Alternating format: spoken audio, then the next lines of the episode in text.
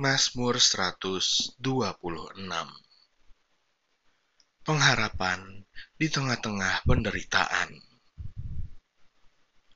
Nyanyian Ziarah Ketika Tuhan memulihkan keadaan Sion, keadaan kita seperti orang-orang yang bermimpi. Pada waktu itu, mulut kita penuh dengan tertawa, dan lidah kita dengan sorak-sorai. Pada waktu itu, berkatalah orang di antara bangsa-bangsa, Tuhan telah melakukan perkara besar kepada orang-orang ini. Tuhan telah melakukan perkara besar kepada kita, maka kita bersuka cita. Pulihkanlah keadaan kami ya Tuhan, seperti memulihkan batang air kering di tanah Negeb.